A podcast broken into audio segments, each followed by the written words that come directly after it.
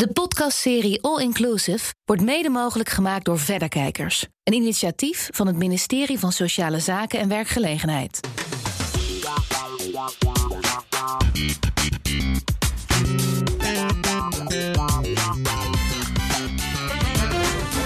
Ik ben Diana Matroos en in deze podcast All Inclusive praat ik met mijn gasten over diversiteit en inclusiviteit. Denk aan gender, LHBTI, leeftijd, cultureel, mensen met een beperking. Maar ja, diversiteit kan natuurlijk in heel veel zaken zitten. Dus ook het type mensen dat je uh, aanneemt. Nou, met welke vraagstukken worstelen werkgevers en werknemers, vooral als het gaat om diversiteit en inclusiviteit? En wat is de oplossing? Want dat is natuurlijk het uh, allerbelangrijkste. In deze aflevering is Jamila El Mourabet te gast. Uh, Jamila is diversity consultant en trainer bij het bedrijf Inclusionair. En uh, ze heeft heel veel verschillende klanten. Denk aan ABN AMRO, Unilever, Nederlandse Spoorwegen, verschillende ministeries. Maar ze kan ook zeker wat zeggen als het gaat om het MKB. Ik mis soms ook bepaalde nieuwsgierigheid. En, en misschien is dat wel het goede woord, hè? Gewoon nieuwsgierigheid. Openstellen. Openstellen van jezelf. Jezelf ook kwetsbaar op durven stellen dat je dat uitspreekt, ook als leider, als manager ook. Shamila, wanneer werd diversiteit voor jou voor het eerst een thema? Ik denk dat dat al, uh, dat was heel vroeg eigenlijk. Ik ben zelf geboren en getogen uh, in de Achterhoek, in Groenlo.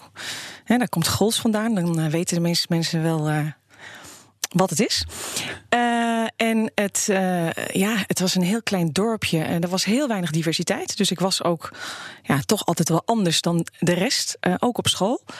En ja, dus dat, dat was eigenlijk wel de eerste, ja, de eerste confrontatie met diversiteit. Ik wil er ook niet altijd een negatief ding van maken, want volgens mij is het juist heel mooi. Maar dat was de eerste keer dat ik echt mee in aanmerking kwam. Ja.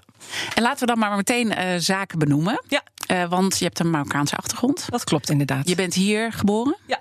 Maar je ouders zijn later vanuit Marokko hier naar Nederland gekomen. Ja, mijn ouders zijn inderdaad vanuit Marokko hier naar Nederland gekomen. Dus mijn broer en zussen zijn ook allemaal in Marokko geboren.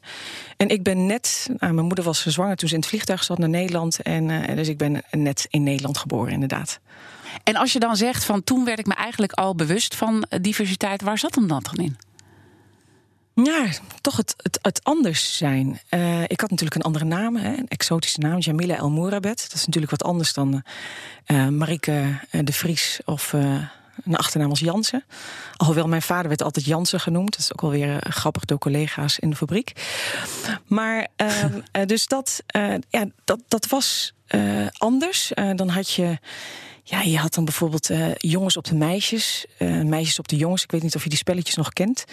Uh, maar dan, dan, moesten de jongens moesten de meisjes vangen. En ik, ik kan me nog heel goed herinneren dat ik altijd ja, aan de kant bleef staan, omdat ik niet werd gekozen.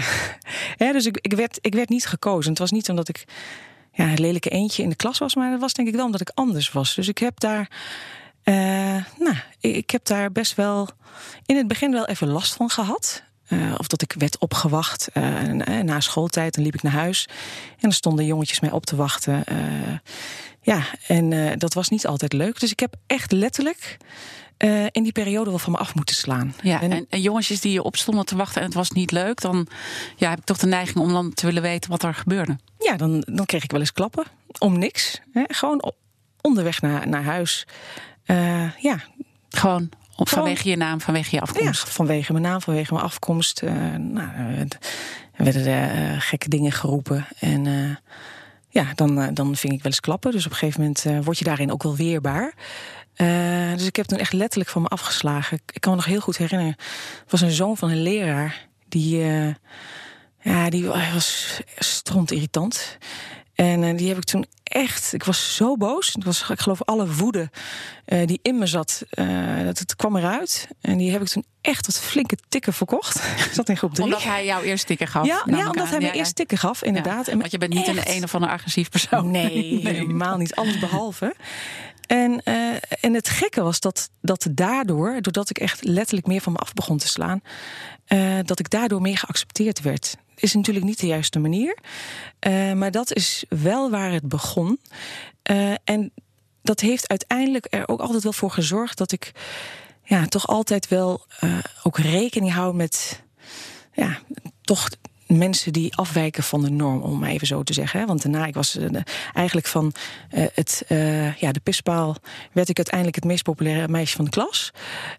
en, maar ik was me ook altijd bewust van mensen die afweken van de norm, daar kwam ik ook altijd voor op. dus dat is in het voortgezet onderwijs, uh, ja, ging dat door. En ja, tot op de dag van vandaag eigenlijk nog steeds. En nu is het dus je werk uh, geworden uiteindelijk. En daar gaan we uh, straks zeker over praten. Want um, door de jaren heen ben ik op heel veel diversiteitsbijeenkomsten geweest. Ik word vaak ook als moderator ingezet op dit soort momenten. Ik heb natuurlijk zelf ooit een statement gedaan voor meer culturele diversiteit in de media. Heb ik ontzettend veel over meegekregen. Dat is ook het moment waarop wij elkaar hebben leren kennen.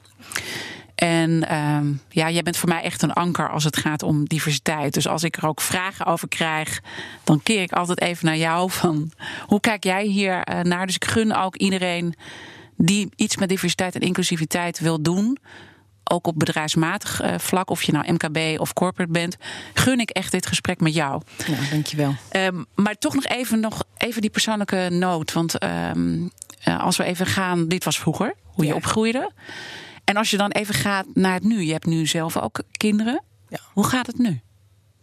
Um, ja, je zou zeggen, tijden zijn veranderd. En het is natuurlijk ook wel zo, want ik woon nu in Leiden. En in die tijd zat ik in de achterhoek. Dat is ook nogal een verschil als je het hebt over diversiteit. Uh, ik weet nog dat ik in het begin ook, toen ik mijn kinderen kreeg, uh, dat, uh, dat mensen mij ook afraden met alle beste bedoelingen om ze een Marokkaanse naam te geven. Hè. Mijn kinderen heten uh, Loué en Hisham. Ze zijn echt, uh, nou, echt typisch Marokkaanse of Arabische namen. Heb ik ook bewust gedaan, omdat ik vind dat het heel erg belangrijk is dat ze ook weten waar hun roots liggen. En je ziet dat, uh, dat roots toch uiteindelijk ook wel wat, wat meer vervagen. Hè? Want het zijn Nederlandse kindjes met met een Marokkaanse achtergrond. Uh, dus dat, dat mogen ze ook met zich meedragen. Ik vind het juist een rijkdom, hè, die twee culturen die ze meekrijgen. Uh, dus, maar dat, dus het is me echt wel in het begin wel afgeraden. En ik heb daar, ja, dat was voor mij helemaal geen discussie. omdat ik het juist erg belangrijk vind. Maar als ik nu ook kijk naar de klas, mijn oudste zoontje is vier, dus die gaat net naar school. merk ik toch ook wel dat ik wel ja, dat ik het wel belangrijk vind dat hij alles uit zichzelf haalt. En dat hij ook een bepaalde autonomie uh, meekrijgt. En dat hij uh, weet dat hij, uh, dat hij goed is en dat hij alles kan worden wat hij wil. Dus ik ben er wel nou, bewust en, en ergens ook wel onbewust ben ik er wel mee bezig. Terwijl je zou denken van nou, dat is nu niet meer nodig. Maar toch wel. En als ik in zo'n klas kom bijvoorbeeld, of bij het uitzoeken van een school, dat ik dan ook kijk van ja, wat is nou de diversiteit die ik hier die er op school is. Uh, omdat ik het heel belangrijk vind dat mijn kinderen ook opgroeien uh, in een omgeving uh, die een afspiegeling is van hoe de wereld er vandaag de dag uitziet. Zodat die omgeving ook veilig is voor je kind. Maar je Absoluut. weet ook tegelijkertijd dat je kind ook misschien wel door die naam, waar je heel bewust voor hebt gekozen, toch misschien wel last gaat krijgen. Ja. Ja, dat, uh, dat besef ik me. Dat besef ik me heel goed. Uh, ik moet ook zeggen, daarom werk ik ook zo hard weet je, aan dit thema. Omdat ik echt hoop. En dat is ook een. Dat, ja, dat, klinkt misschien een beetje gek, maar dat is ook een soort van missie wel die ik in het leven heb. Dat ik ook een, een beetje een mooiere wereld voor de generatie achter, gewoon na ons wil achterlaten. En dat is ook voor mijn kinderen. Uh, en dan heb ik het niet alleen over culturele diversiteit, maar dat gaat over verschillende groepen in de samenleving. Omdat ik geloof dat we gewoon met elkaar in een heel mooi land leven waar we hele mooie dingen met elkaar kunnen doen als we alle talenten benutten in de maatschappij.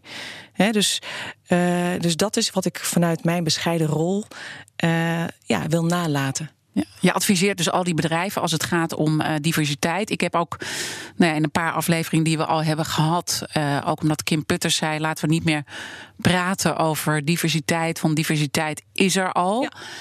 Nou, is dat natuurlijk wel, want dat moet ik even heel goed erbij zeggen. En zo bedoelde Kim het ook die diversiteit is er in onze maatschappij. Ja. Dus dat staat niet ter discussie, want die diversiteit is er. Maar het gaat erom dat die diversiteit nog niet merkbaar is op de werkvloer. Niet bij alle organisaties nee. in ieder geval. En op het moment dat die diversiteit wel op de werkvloer is, wil nog niet zeggen dat je een inclusieve werkomgeving um, uh, nou ja, hebt gecreëerd. Ja. Dus daar gaan, we het, daar gaan we het een beetje over hebben. Jij ging uh, na jouw studie ben je nou, gaan werken en gaan solliciteren. Ja. Dat ging niet even makkelijk. Nee, dat ging niet even makkelijk. Ik dacht, nou, hè, ik heb altijd gewoon heel hard gewerkt naast mijn studie. Uh, veel, uh, heel veel bijbaantjes, soms een paar tegelijk. Uh, ook om studies te bekostigen. Maar, hè, dus ik dacht, nou, dat, nou, met goede cijfers alles gehaald. Dus nou, dan ben je klaar om de arbeidsmarkt op te gaan.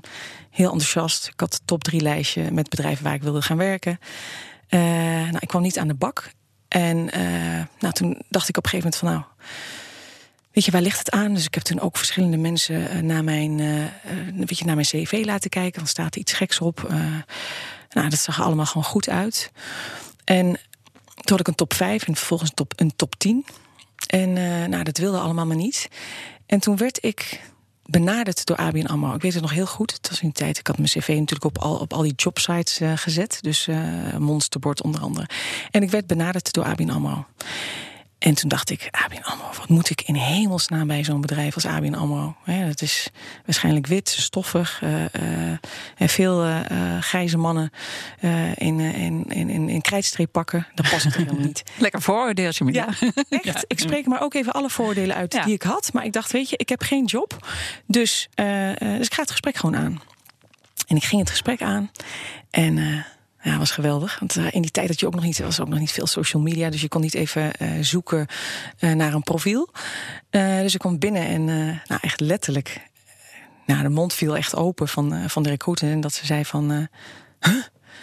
Ik had een heel ander type verwacht bij de naam Jamila El. En toen waarop ik zei van ja, hoe dan met snor of wat?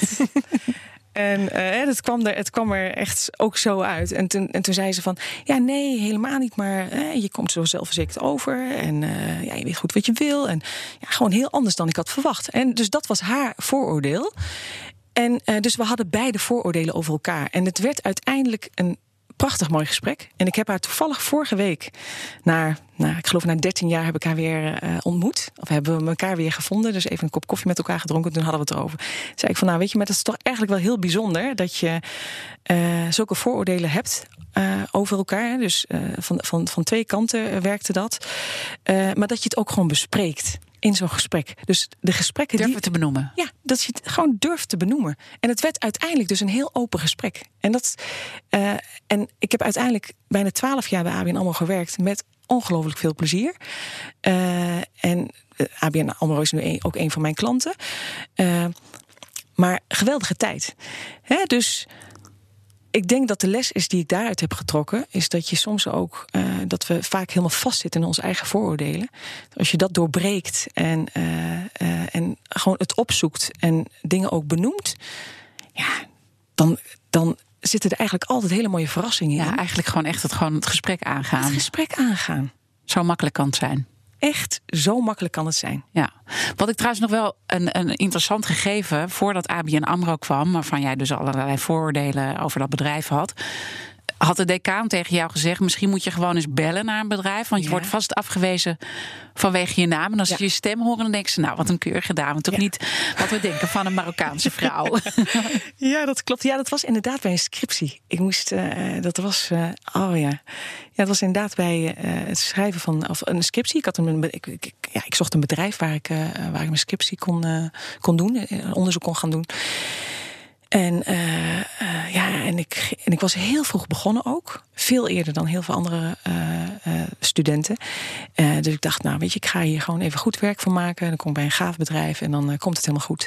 En ik, het lukte maar niet en het lukte maar niet. En toen ben ik op een gegeven moment inderdaad bij de decaan langs gegaan. Toen zei ik van, nou, wat doe ik toch verkeerd? En nou, weet je, alles doorgelopen, brieven, cv. En toen zei hij, nee, het ziet er allemaal heel goed uit. En toen zei hij, weet je, misschien moet je inderdaad maar gewoon eens bellen. Dan horen ze dat je goed Nederlands spreekt. En dan uh, word je wel uitgenodigd voor een gesprek. En toen dacht ik, nou, het moet toch niet gekker worden. En dat mijn moeder toen ook zei, hè, want ik was, ja, ik vond het best lastig. En dat mijn moeder toen ook zei van, nou, dan, dan schrijf je gewoon een, een, een andere naam onder, je, uh, onder de brief en op je cv. Toen zei ik, nou, weet je, als dat nodig is om me uit te nodigen voor een gesprek, ja, dan hoeft het, dan bij zo'n bedrijf hoef ik al helemaal niet te werken. Weet je, en dat is, ja, het doet me ook een beetje denken aan het uh, anoniem solliciteren. Ja, weet je. Uh, met de beste bedoelingen, maar ik, ik, geloof daar ook niet heel erg in. Omdat ja, uiteindelijk gaat het erom dat je, uh, dat je juist op zoek gaat naar al die talenten, dat je kijkt naar kwaliteiten, ook in een cv. Eh, en als, je, eh, nou, als dat niet lukt, dan, ja, dan is dat maar een gemiste kans voor de organisatie, denk ik dan maar. Ja, heel goed. Ja. ja. En natuurlijk ehm, gaan we straks want je adviseert dus, hè, je hebt heel lang voor ABN AMRO gewerkt... waar je ook de hele diversiteit hebt uh, opgezet... samen met Jelly Weidenaar trouwens. Ja, klopt. Die nu de directeur is van Talent naar de Top... en daar hele mooie dingen doet om vrouwen naar de top uh, te krijgen. Um, en straks komen we echt ook, want misschien denken de mensen nu niet luisteren, waar komen nou die praktische adviezen en wat doe je in zo'n traject? Ja. Maar eigenlijk door jouw persoonlijke verhaal, want dat hoorden we net ook al, er zitten al een heel aantal lessen in, lessons learned. Dus daarom wil ik toch nog even naar dat punt gaan dat je. Nou, ABN AMRO stond daar dus wel open voor. Ja, zeker. Iemand met een Marokkaanse achternaam. Maar toch heb je ook daar geworsteld met je identiteit in het begin. Want hoe lang geleden was dit? Uh, even kijken. Ik geloof dat in 2006 ben ik begonnen. Begin 2006 ben ik begonnen bij mm AMRO. En uh, ja, ik weet nog wel dat ik uh, toen ik ook eenmaal binnen was... Want ik, ik, ben begonnen als private banker. Dus dat is een adviesfunctie voor de vermogende particuliere klant. Dus ik had mijn eigen klantenportefeuille. En ik had advies op, nou, gewoon breed op financieel gebied, uiteraard. En, het, uh, en ik weet ook nog dat ik wel merkte dat ik wel uit een andere wereld kwam. Dus ik, eh, als ik nog foto's terugkijk, gewoon van die tijd, dat ik echt van die lelijke krijtstreep pakken droeg. En ik had mijn haar ook letterlijk aan. Je ziet, hè, ik heb heel donker haar. Uh, Eigenlijk wel pikzwart haar. Pikzwart, ja, ja, inderdaad. En dat ik mijn haar op een gegeven moment echt ben gaan blonderen. Hè, dus gewoon wat lichte plukken. En er kwamen steeds meer lichte plukken bij. En uh, nou, ik kwam ook best wel... ik heb ook stijlhaar gehad, ja. En ja, heb ik oh, lekker ja, afro, ja. nou, dan herken je dat inderdaad. Uh, dus ja, ik kwam daarin in het begin ook best wel van mezelf uh, af te staan, omdat ik wilde zijn zoals, uh, uh, ja, zoals mensen er om, om mij heen eruit zagen. En op, op, een gegeven moment wilde ik gaan, gaan golven. Ik wilde ja, van alles doen waar ik voor die tijd echt totaal niks mee had. maar om maar om er maar bij te horen. dus, dus dat is één ding. Um, maar een tweede is ook dat ik. Um, dat is overigens later is dat, uh, is dat helemaal goed gekomen hoor. Dat, uh, uh, maar goed, dan moet je soms voor op je bek gaan en opstaan. Zoals ik ook altijd tegen mijn kinderen zeg, daar word je sterk van. Um, maar ik had ook klanten bijvoorbeeld die, nou, die geen zaken met mij wilden doen. Ja, je, je, hebt als, als banker, krijgt, ontvangt iedereen als, als klant een nieuwe banker krijgt, ontvangt iedereen een brief. Uh, met... En dit ging om vermogende klanten? Dus? Dit ging om vermogende klanten, hm. inderdaad.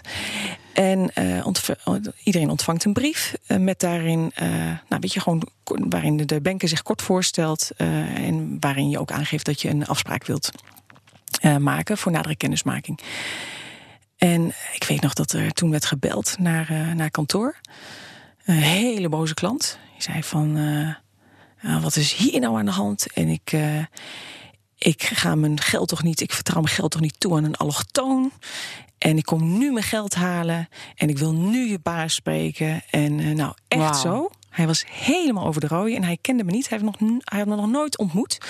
dus echt aan de hand van die brief. En waar Jamila El Moerabet onder stond. Uh, dus hij kwam naar kantoor en zei: Je kom er nu aan. Ik zei: Nou, dat is goed.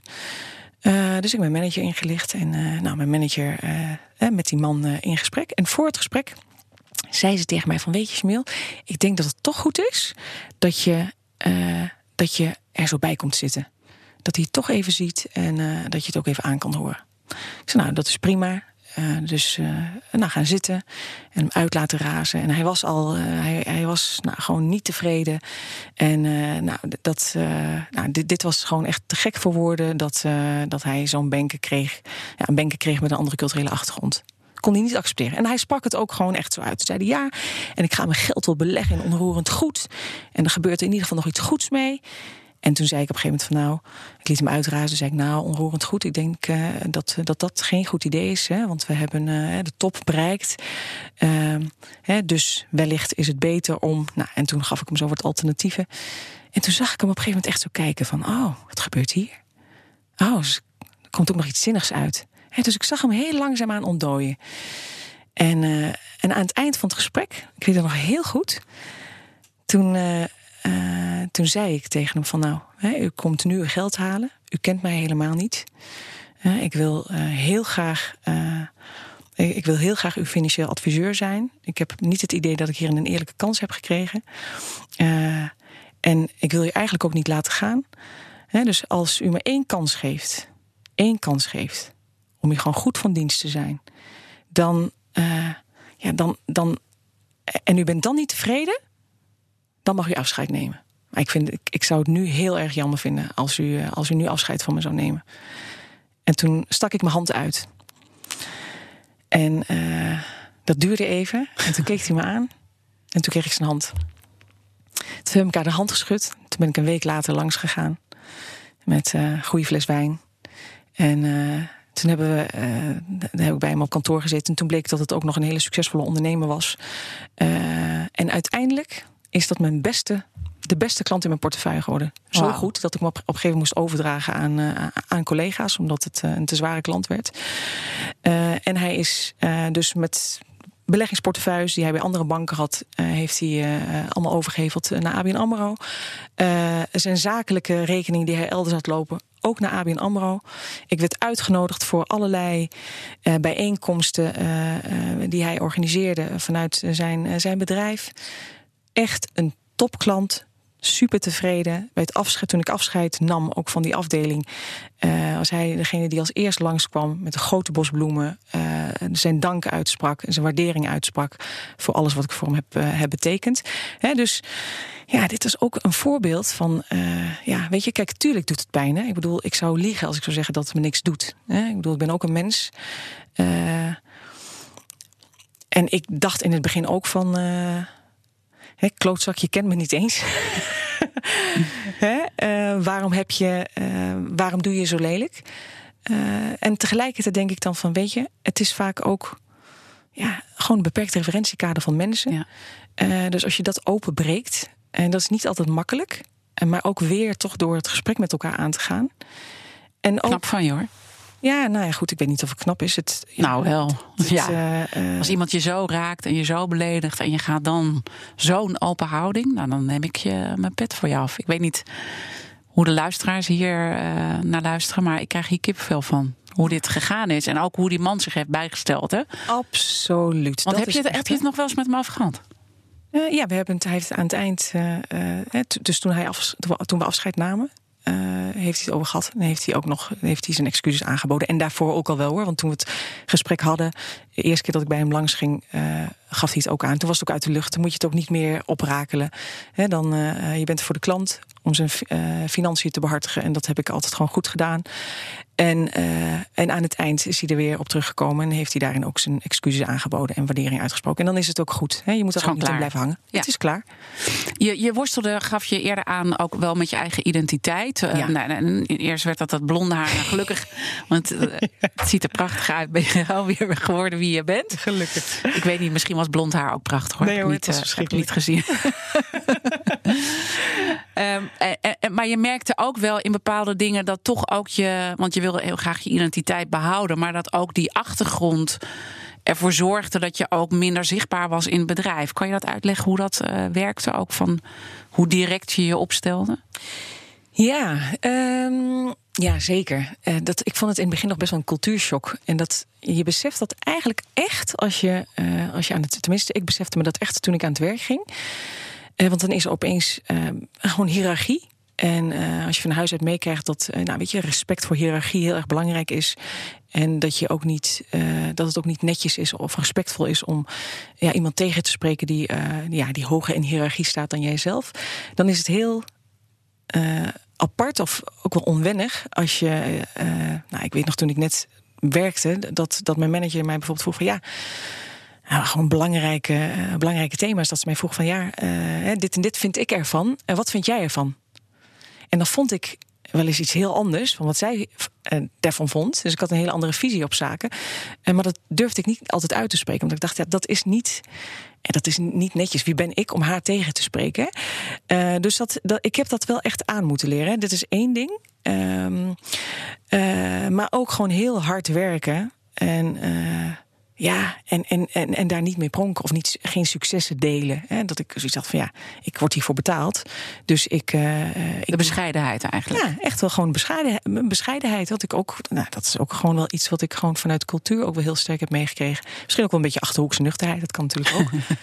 en, uh, maar, maar uh, dus, dus die bescheidenheid, respect voor hiërarchie. Uh, ik denk ook echt wel dienstbaarheid, ook wel belangrijk. Dus gewoon je heel dienstbaar opstellen, waardoor er soms heel veel op je bord komt. Um, althans, in mijn geval was het, was het wel zo. En dan, uh, ja, weet je, constant aan het overwerken ook. maar ja, weet je, nee zeggen, dat was er niet. dat was er niet bij. Hè? Dus ik denk dat dat wel een belangrijke is. dienstbaarheid. Um, ja. Dus die, die zaak heb je echt wel uh, moeten leren. Uiteindelijk, nou ja, heb je gewoon een hele mooie carrière gekregen bij ABN AMRO. en op een gegeven moment uh, ben je daar uh, de diversiteit samen met Jelly ja. volgens mij gaan opzetten. Ja. Waarom koos de bank ervoor om dit echt... Want als we dus nu kijken, dit was jaren geleden... was ja. ABN AMRO wellicht wel een van de eerste... die zich een beetje op dit terrein ging voorsorteren. Ja. Waarom deden ze dat? Nou, ik denk dat ze ook. Want uh, ik, ik, denk dat zij op een gegeven moment ook wel zagen dat. Uh, dat de arbeidspopulatie toen ook al wel hè, uh, echt wel aan het veranderen was. En dat ze niet in staat waren om uh, verschillende talenten aan te trekken. En dan heb ik het niet alleen maar over, over culturele diversiteit, maar ook het aantrekken van vrouwen bijvoorbeeld. Hè. Dat was ook echt wel, als je bijvoorbeeld kijkt naar de trainee-klasjes. Nou, dat waren overwegend eh, witte uh, mannelijke uh, trainees die daarop afkwamen. Hè. Dus dat waren. Dat was de groep die solliciteerde. Dat waren, uiteindelijk waren dat ook de mensen die werden aangenomen.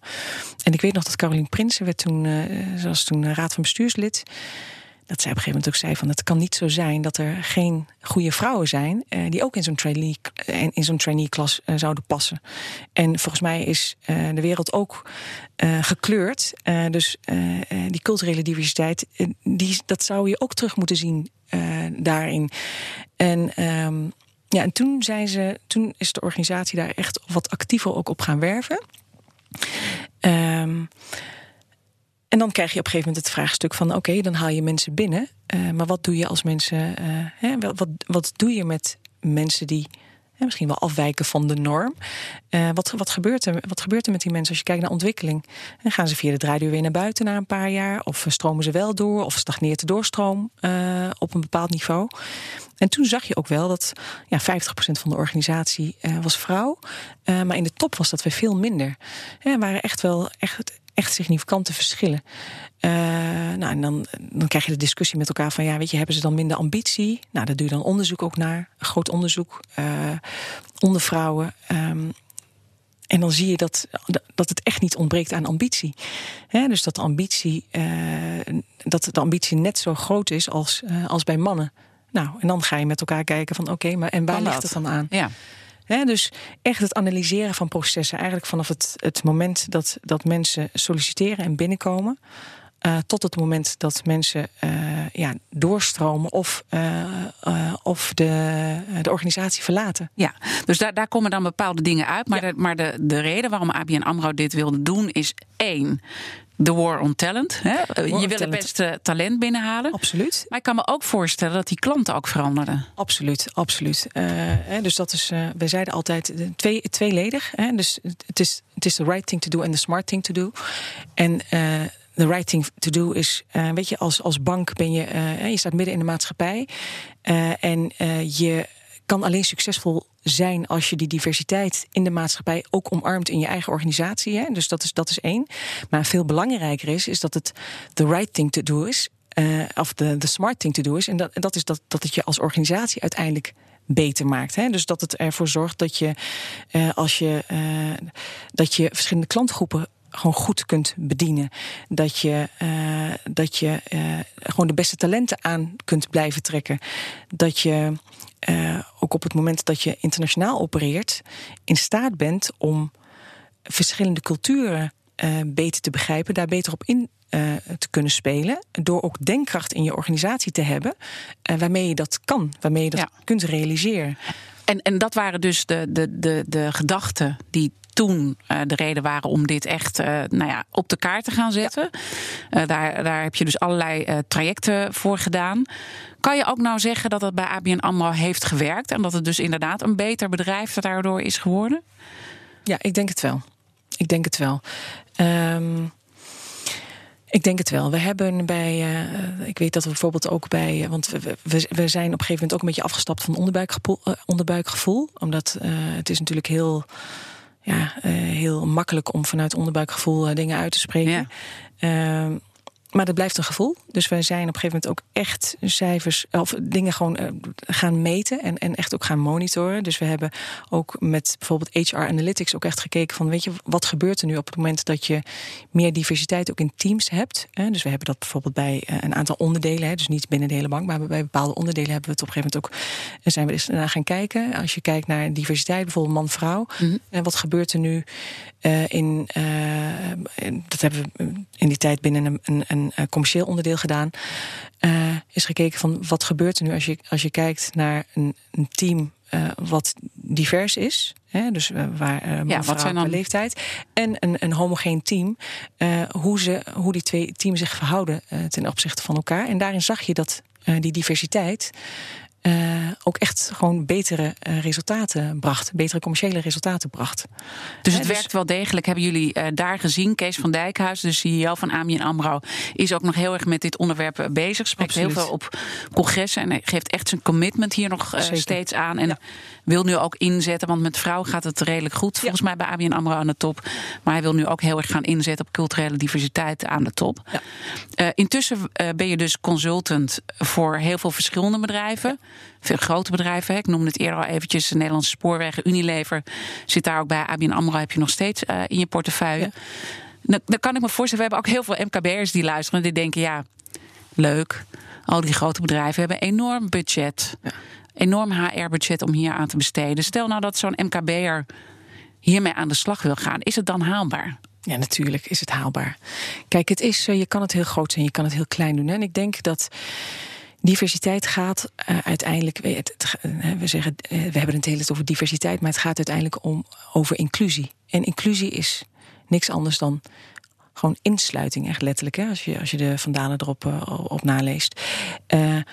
en, en insluiting gaat over voor een zo breed, eigenlijk insluiting van iedereen, hè, want je wil dat, dat iedereen -hmm. je klant is.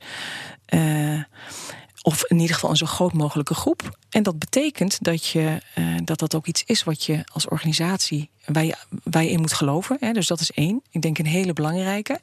Dat je, je, dat je ook goed nadenkt over. Maar, maar waarom wil ik het dan eigenlijk? Mm -hmm. Hè? Dat, dat, geldt voor een grote organisatie, maar ook zeker voor een, een MKB-bedrijf. En wat is nou het verhaal? Als je een gemiddelde uh, uh, ondernemer of eh, ook veel organisaties vragen ja, maar, maar, waarom wil je het nu? Dan blijven we eigenlijk heel vaak hangen in, nou ja, goed, uh, uh, weet je, het brengt innovatie, het, natuurlijk, weet je, het, het, het, het zorgt voor betere besluitvorming. En dat is ook allemaal zo. Maar als je hem verder uitdiept, nou, weet je, wat het je nou echt kan brengen. en je kunt daarachter staan, ook als, als, als ondernemer, dan heb je een duidelijk verhaal. Gewoon heel kort. En wat bedoel je dan? Wat, wat, wat, nou. wat, wat ontbreekt? Hè? Want hier komen ook op het punt van op een gegeven moment denken mensen: oké, okay, we willen dit gaan doen. Mee. Omdat ook uit ook tal van onderzoeken, bijvoorbeeld van McKinsey, blijkt dat het een economische win is om er iets uh, mee te doen. En dan toch merk je dat het, dat het een spannend thema is voor veel bedrijven. Ja. En dat, en dat eigenlijk de diepte om dit echt te doen ontbreekt. Waar zit hem dat in? Ja, ja nou weet je, dus één, waarom wil je het echt? Ik denk dat dat mm. echt een hele belangrijke is. Twee, uh, dat, je, uh, dat je ook kijkt van, als je het bijvoorbeeld hebt over klanten, maar ook over uh, je personeel. En wat straal je uit naar buiten? Dus dus hoe, hoe ziet het er in communicatie uit? Weet je, wat wil je uitstralen? Zowel in je communicatie, maar ook gewoon in handelen.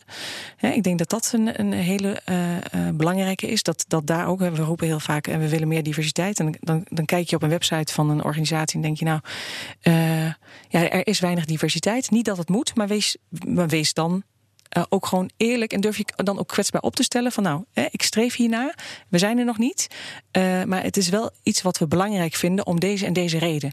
Hè, dus dat je het ook vanuit waardecreatie insteekt. Hè, dus dat het echt iets moet opleveren. Want anders is het, is het tijdsverspilling voor een ondernemer en, en, en, voor een grote organisatie ook. Dus ik denk dat een tweede. Een derde is dat we vaak ook. Ehm, ja, een beetje blijven hangen ook in onze eigen ja, groepen.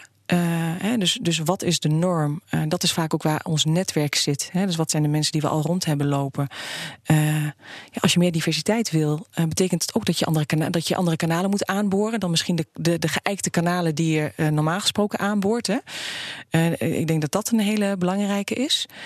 Um, en een, een, een vierde punt is dat je dat het ook heel erg belangrijk is, is dat, je, dat het niet alleen gaat om ja, koppen tellen, om maar even zo te zeggen. Hè, van uh, we hebben weer een vrouw, we hebben weer iemand andere culturele achtergrond of LHBT, iemand met een ja, LHBTI. Check, check, check, check, check. Ja, maar dat je, uh, dat je ook een, een omgeving creëert waarin veiligheid, waarin weet je, veiligheid en nou, waarin eigenlijk veiligheid centraal staat. Waarin verschillen er ook mogen zijn. Uh, waarin je juist wat, wat we heel vaak doen is dat we. Eh, je moet wel een vrouw. Uh, we willen wel een vrouw binnenhalen, maar het moet eigenlijk wel een hele mannelijke vrouw zijn. Want anders, anders werkt het niet. Of mag wel met kleur, maar het moet wel in de mal passen van de organisatie. Hè? Dus dan, dan sla je de diversiteit eigenlijk plat. Dus dat er ruimte is voor die diversiteit. Ik denk dat dat een hele belangrijke is. en dat, een, dat je daar als leider ook een voorbeeldrol in neemt. Weet je? Dus, dus een bepaalde. Ik mis soms ook bepaalde nieuwsgierigheid. En, en misschien is dat wel het goede woord. Hè? Gewoon nieuwsgierigheid. Openstellen. Openstellen van jezelf. Jezelf ook kwetsbaar op, op durven stellen. En dat je het ook niet allemaal weet. En dat het juist belangrijk is dat je verschillende perspectieven uh, uh, nodig hebt om uiteindelijk tot goede producten komen of uh, betere dienstverlening te komen of wat dan ook. Uh, dat je dat uitspreekt, ook als leider, als manager ook. Naar de andere, naar, naar je werknemers. Naar je werknemers toe. Ik denk dat dat echt een hele belangrijke is. En dat je daarin ook uh, ja, best mag aangeven dat je niet alles weet. En dat je, want dat stimuleert ook als je mensen inzet op hun kracht. dan, dan stimuleer je meesterschap ook bij, bij mensen. Dus op het moment dat jij, uh, dat jij uh, een bepaalde verantwoordelijkheid krijgt, dan zul je er ook alles aan doen uh, om, het, om het goed te doen. Om, je wordt ingezet op mm -hmm. waar je goed in bent. Ja. En dat is bijvoorbeeld bij een voetbalteam werkt dat niet anders. We kijken in een voetbalteam heb je allemaal verschillende spelers. Iedereen wordt ingezet op zijn kwaliteit. En uiteindelijk, doordat er ruimte is voor ontwikkeling voor talent van verschillende mensen binnen het team Ga je, ja. creëer je, uh, word je als team dus beter, creëer je vertrouwen bij mensen en presteer je uiteindelijk maar beter. Wat, wat je heel vaak uh, hoort, want toen ik dit statement deed voor meer culturele diversiteit in de media, omdat de media gewoon uh, ja, overwegend wit is, ja. en het verbetert wel iets intussen, maar we hebben nog wel een weg te gaan. Overigens, topvrouwen. Um, uh, bij de media wordt ook steeds minder. Dat was een tijdje wat meer. Ja. Dus ook daarin, ze zijn er wel gelukkig, maar ook daarin uh, is er nog wel werk aan de winkel. En dan werd er heel snel gezegd toen ik dat statement deed: ja, maar het moet wel over kwaliteit gaan. Ja. Ja. En het tweede wat altijd viel, ze zijn er niet. Ja. Dus hè, jij zegt, je moet de mensen beoordelen op hun kwaliteit. Maar het gaat er dus ook wel om, wat is je definitie van kwaliteit? Absoluut, absoluut. Ja, dat is een hele goede. Want kwaliteit uh, beoordelen we natuurlijk uh, aan de hand van uh, onze eigen spiegelbril die, we vaak, die we vaak dragen. Dus wat zijn de kwaliteiten die we vaak zelf bezitten? ja, die zoeken we ook vaak in een ander. Dat is natuurlijk een, een, een bekend, bekend verhaal. dat is dus ook zo. Um, dus, en, en, dat moet je doorbreken. En ik denk dat je dat doorbreekt door je referentiekader ook te verbreden. He, dus, en dat betekent, eigenlijk ook met de voorbeelden die ik eerder gaf, mm -hmm. is dat je in staat bent om een connectie te maken met mensen die anders zijn dan jij zelf bent. Want dat is ook waar, dat is waar diversiteit en ook inclusie over gaat. Uh, Want de connectie maken met mensen die op ons lijken, nou, dat is vrij dat makkelijk. Is makkelijk ja. En, en dat, is, dat is prettig en dat werkt uh, makkelijk en snel. En, Diegene zegt iets wat je gewoon herkent. Ja, wat je herkent. Dus je hebt Omdat aan je op dezelfde uh, studievereniging hebt gezeten. Ja. Met dezelfde nou ja, grappen die daar werden gemaakt. Ja, Zo simpel kan het zijn. Zo simpel kan het zijn. Ja, ja, Ja, toffe dat, dat snap je. Precies, een Ja. toffe vent. Hè? Dus dan Ja. heb je meteen ook dat... eh, ja, dat zijn meteen natuurlijk heel veel pluspunten. Kijk maar in een sollicitatiegesprek ook. Hè? Als, je, als je herkent dat iemand, eh, als iemand uit... eh, ik wil bij dezelfde studentenvereniging heeft gezeten... dan is het al, heb je al gewoon plus drie hè, al. En op het moment dat je dat niet hebt... Ja, dan moet je toch iets harder graven. En maar dat, en dat, dat vraagt ook... dat vraagt ook om ja, bepaalde skills. Eh, Dus, dus die, nieuw- die nieuwsgierigheid is denk ik heel belangrijk. Dat je, dat je in staat bent om echt een connectie te maken. Oké, laten we dan even heel concreet hè, een paar dingen eh, pakken. Ja. Te beginnen met het sollicitatiegesprek. Want op een gegeven moment is er bedacht of je nou een HR-afdeling hebt of niet, of je een groot bedrijf of een klein bedrijf. Uiteindelijk komt er een sollicitatiegesprek. En daar word je geconfronteerd met nou, iemand die anders is. Of het nou gaat om kleur, of dat het nou gaat om man-vrouw. Ja. Hoe moet je nou zo'n sollicitatiegesprek ingaan waardoor je echt doorhebt wie er tegenover je zit en of dat echt een waarde kan toevoegen voor je bedrijf?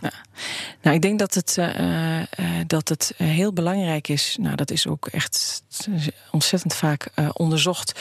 Is dat het, dat het, gestru- dat het gestructureerd eh, verloopt. Hè? Dus dat je van tevoren heel duidelijk vaststelt. van Wat, zijn nou, wat zoeken we nou in een, in een kandidaat? Dat zo objectief mogelijk. eh, dat je dat zo objectief mogelijk opschrijft. En dat je eh, ook door vaste vragen. Eh, dat je dat ook door middel van vaste vragen uitvraagt. Dus een vaste structuur, eh, vaste vragen. Ehm, en aan het eind van het gesprek ook echt gaat kijken van wat. Hoe heb ik deze persoon nou beoordeeld? Hè? Dus eh, als je die vaste vragen hebt en je hebt de competenties, dan kun je, dan kun je dat ranken. En dat je daarna ook nog evalueert van ja, in hoeverre heb ik nou echt naar die objectieve criteria eh, gekeken en het zo objectief mogelijk beoordeeld. Want het kan nooit 100% objectief zijn. Eh, maar zo reduceer je in ieder geval wel eh bias in dat proces. En kan je daar een voorbeeld van geven? Want ik zit nu even te denken aan die ondernemer, die dus niet al die lijstjes heeft, hè, die een HR-afdeling wel heeft. Hoe doe je dat dan in een gesprek dat je zelf beoordeelt, ben ik objectief geweest? Nou, weet je, door, door de, de competenties die je zoekt in iemand. Dus wat je zoekt voor een functie. Hè? Wat, wat, is nou, wat moet iemand nou echt bezitten voor de functie? Hè? Vaak hebben we een hele waslijst. Eh, daar kun je heel veel dingen uit schrappen. Maar wat is echt van belang voor, eh, voor de functie? Dat schrijf je op. Hè? En dat, dat, eh, dat, kunnen competen nou, dat zijn competenties hè, in, in veel gevallen. En vervolgens ga je door middel van vragen die je bedenkt, vragen die, waarmee je uitvraagt wat. Eh, eh, in hoeverre iemand die competentie, eh, de competenties bezit. Ja. Dus dat koppel je er direct aan. Dus laten we een competentie noemen. Bijvoorbeeld commercialiteit, ik noem maar wat. Ja, dus in hoeverre is iemand commercieel ingesteld? ja. Nou, dan kan de vraag eh, zijn, hè, dus eh, commercialiteit is, er dan, eh, is, is dan de com- competentie. Nou, dan heb je de vraag, je, kan, je kunt de vraag stellen van nou, hoe commercieel ben je ingesteld? Nou, dat is natuurlijk dat is een Lekker algemene vraag. Precies. Ja, maar ehm, eh, dan stel je bijvoorbeeld de vraag van nou. ehm, hoe heb je, als je bijvoorbeeld kijkt naar, naar de rollen die je hiervoor hebt vervuld, ehm, wat zijn dan je grootste eh, successen geweest eh, eh, in, in, in de verkoop en waarom? Ik noem maar wat. Hè? D- Dit, dit kan Ja. een vraag zijn. Nou, dan geeft iedereen geeft daar een antwoord op. En dan heb je een bepaalde methodiek. Vaak is dat dus de STAR-methodiek, dus dat je naar de situatie vraagt. Hè, en vervolgens en de taken. Hè, dus wat is de situatie geweest? Nou, dan legt iemand uit wat de situatie is ge- geweest. Nou, wat was jouw taak daarin? Nou, taak, wat is de actie die je hebt ondernomen? Eh, en wat is het resultaat wat, je, eh, wat er uiteindelijk. Oké, eh, dit in zijn objectieve vragen. Dit zijn objectieve vragen. Ja.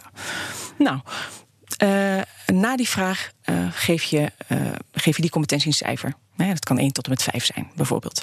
En dat doe je dus per vraag. En iedereen stel je dus exact dezelfde vraag voor exact dezelfde competentie. Dus je krijgt, nou, dan eh, heb je allerlei eh, scores die je, eh, die je aan het eind hebt. Je lijstje met scores. En degene met de hoogste score, nou, die, dat is in veel gevallen zal dat de beste kandidaat zijn. Nogmaals, 100% objectief kan het niet, maar dat werkt veel objectiever dan dat je gewoon het open het gesprek aangaat en dus denkt van nou, uh, vertel mij eens even wie je bent. En dan heb je en dan meteen al een heel haakje. erg die vooroordelen gaan uiteindelijk een rol spelen. Ja, want, Wat, wat ik ook wel interessant gegeven vond, eh, want vaak, ehm, niet om nu negatief te zijn, maar vaak kan je heel veel leren van zaken die misgaan. Ja. Eh, in een sollicitatiegesprek, stel je hebt iemand met een andere culturele achtergrond Mhm. tegenover je. Soms ontstaat er geen match in dat gesprek. En dat heeft te maken met nou ja, een soort kruisverhoor, zoals dat op die ander kan overkomen. Of dat nou terecht of onterecht Mhm. is, kan je dat uitleggen? Ja, ja, ik snap heel goed wat je bedoelt. Want eh, de STAR-methodiek is redelijk natuurlijk ook. eh, dat is wel grappig dat je het zegt. Die star-methodiek, want ook on- ik denk dat een MKB'er niet met een star-methodiek werkt. Maar nou, dat- een MKB kan overigens ook met een. Als je STAR-methodiek, als je dat eens googelt, dan. eh het is eigenlijk een hele makkelijke manier om vragen uit te stellen. Eh, Oké, dus enerzijds- niet eh, per se een corporate manier. Nee, nee, nee. Is absoluut niet per se een corporate manier. Eh, dus, maar het, het, het is een handvat dat je, dat je kan eh, gebruiken. Maar, ehm, eh, en het is wel een hele westerse manier van uitvragen. Dus dat is wel weer, eh, dat is wel weer grappig. Maar eh, het ligt er ook helemaal aan hoe je zo'n gesprek ingaat. Hè? Wat je vaak ziet is dat je eh, eh, dat we eigenlijk, we hebben beperkte tijd. Dus we gaan meteen hop eh, die competenties af. Eh, terwijl het ook wel goed is om even gewoon het ijs te breken. En helemaal als je kijkt naar mensen die, eh, ja, die toch anders zijn dan jij zelf bent. Ja. Weet je? Een andere culturele ja, een achtergrond andere culturele achtergrond bijvoorbeeld. eh, dan is het goed om daar dat je, dat je vertrouwen creëert, zodat je eh, op het moment dat je de, eh, de vragen stelt, en dat je daarin ook gewoon eerlijke antwoord, dat iemand zich op zijn gemak voelt. Want even weer terug naar het begin. wat je zelf ook bij jezelf merkte, is dat je vaak bescheiden bent. En dat heeft met jouw culturele achtergrond te maken. Ja. En dat kan dus eigenlijk al in een sollicitatiegesprek dat je niet goed eruit krijgt wie je tegenover je hebt. Ja, en daarin is vertrouwen weer echt wel een basis. Dus dat je zorgt dat je veiligheid en vertrouwen creëert. Veiligheid en vertrouwen. Dat is echt essentieel bij een sollicitatiegesprek. Al wordt iemand het niet, dat iemand toch de deur verlaat en denkt van... oh ja, weet je, dat, Ja. dat was een goed gesprek. Dat ik het niet ben geworden. Als je dat gewoon prima kan onderbouwen, is dat natuurlijk Prima. helemaal goed. Ja. Eh, maar dat, dat je eh, veiligheid en vertrouwen creëert in een gesprek, dat is echt essentieel. Ja. En dat kan doordat je in het begin ook echt de tijd neemt om echt, een, echt die connectie eh, te werken aan die connectie. Ja. Die je misschien bij iemand hebt, hè, waar je, eh, die op je lijkt, heb je dat sneller. Eh, werkt dat makkelijker. En hier, nou, in dit geval, moet je daar dus iets meer moeite voor doen. Ja, en die moeite doe je alleen maar, want dat is denk ik nog wel even goed om te zeggen. Want de ondernemer denkt, ja joh, ik heb genoeg te doen. Waarom Ja. zou ik dit allemaal doen?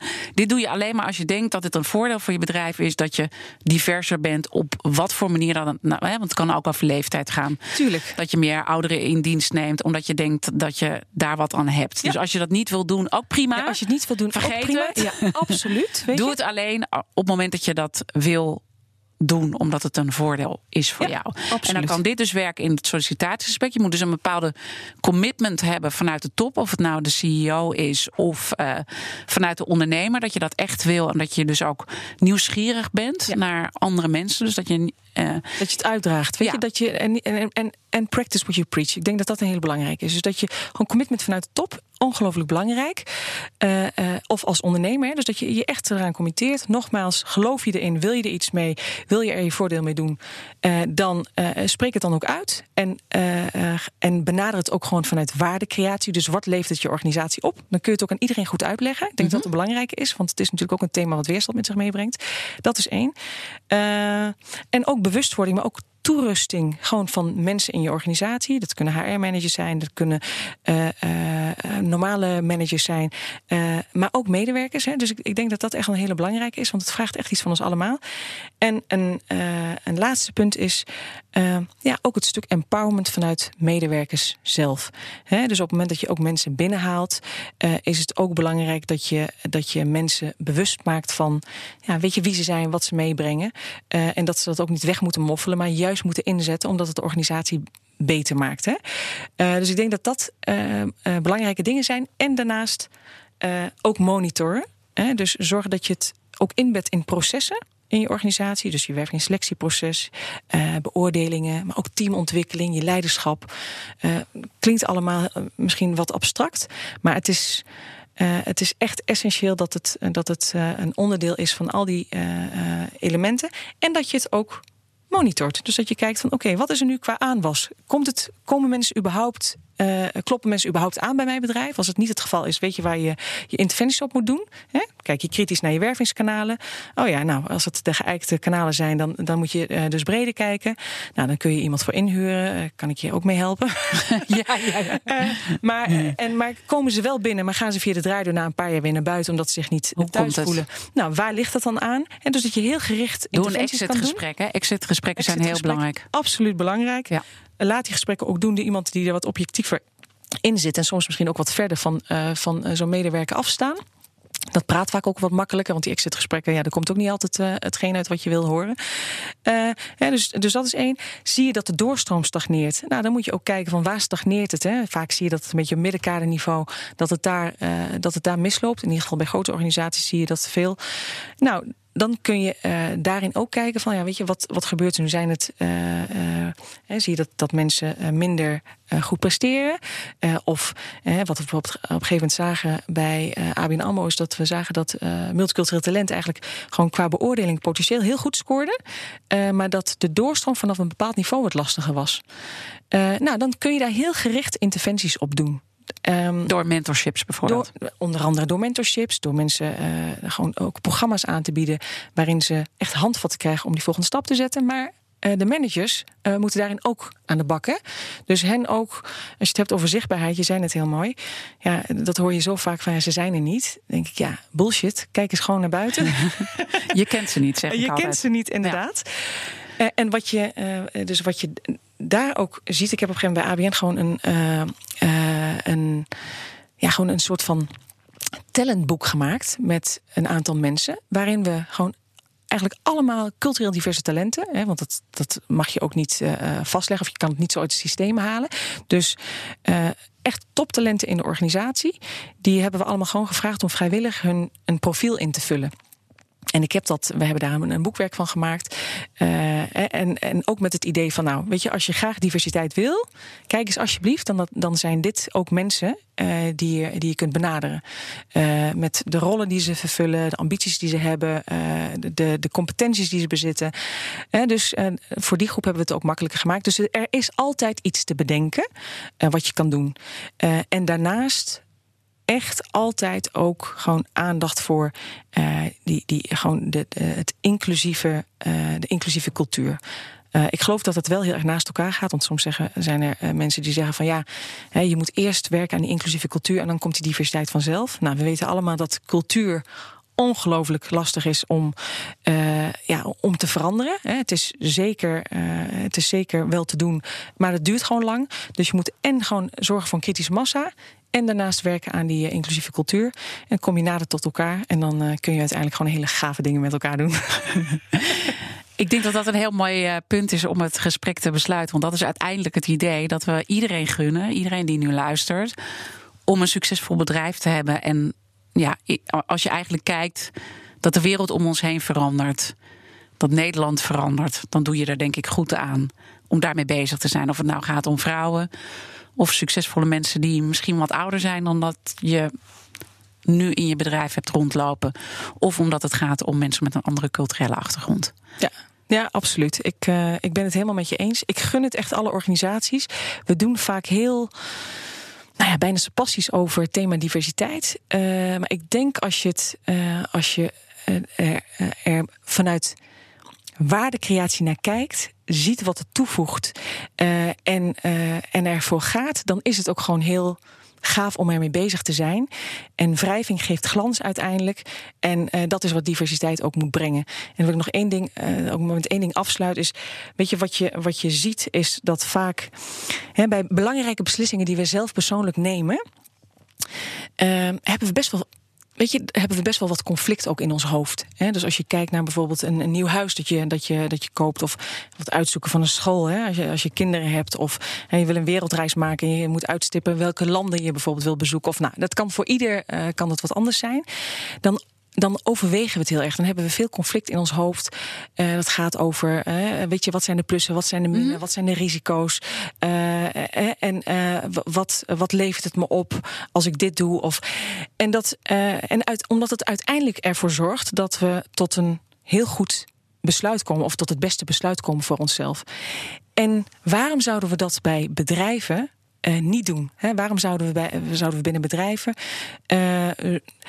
niet openstaan voor juist die verschillende perspectieven die ervoor zorgen dat we betere besluiten nemen uh, en uiteindelijk gewoon betere uh, prestaties neerzetten. Dus gun jezelf dat conflict in je hoofd. Absoluut. Want het is wel een spannend eh, thema. Dus ja. dat, dat horen we ook door alles heen. Ik wil je heel erg bedanken. Jamila El Mourabet, zij is directeur van Inclusionair, consultant, diversity consultant en trainer als het gaat om allerlei vormen van diversiteit. ja, dit was dus weer een van de afleveringen van de podcastserie All Inclusive. Een podcast over diversiteit en inclusiviteit. Wil je nou andere afleveringen luisteren? Bijvoorbeeld uh, de, laatste uitzending, de zesde aflevering. Uh, met uh, Ad van Gils, de CEO van PwC, en Herner Verhagen, de CEO van PostNL, die uiteindelijk ook hier heel duidelijk mee aan de slag zijn gegaan, omdat ze daar voordelen in zien. Check dan de site de app, iTunes of Spotify. Mijn naam is Diana Matroos en ontzettend bedankt weer voor het luisteren. De podcastserie All Inclusive wordt mede mogelijk gemaakt door Verderkijkers. Een initiatief van het ministerie van Sociale Zaken en Werkgelegenheid.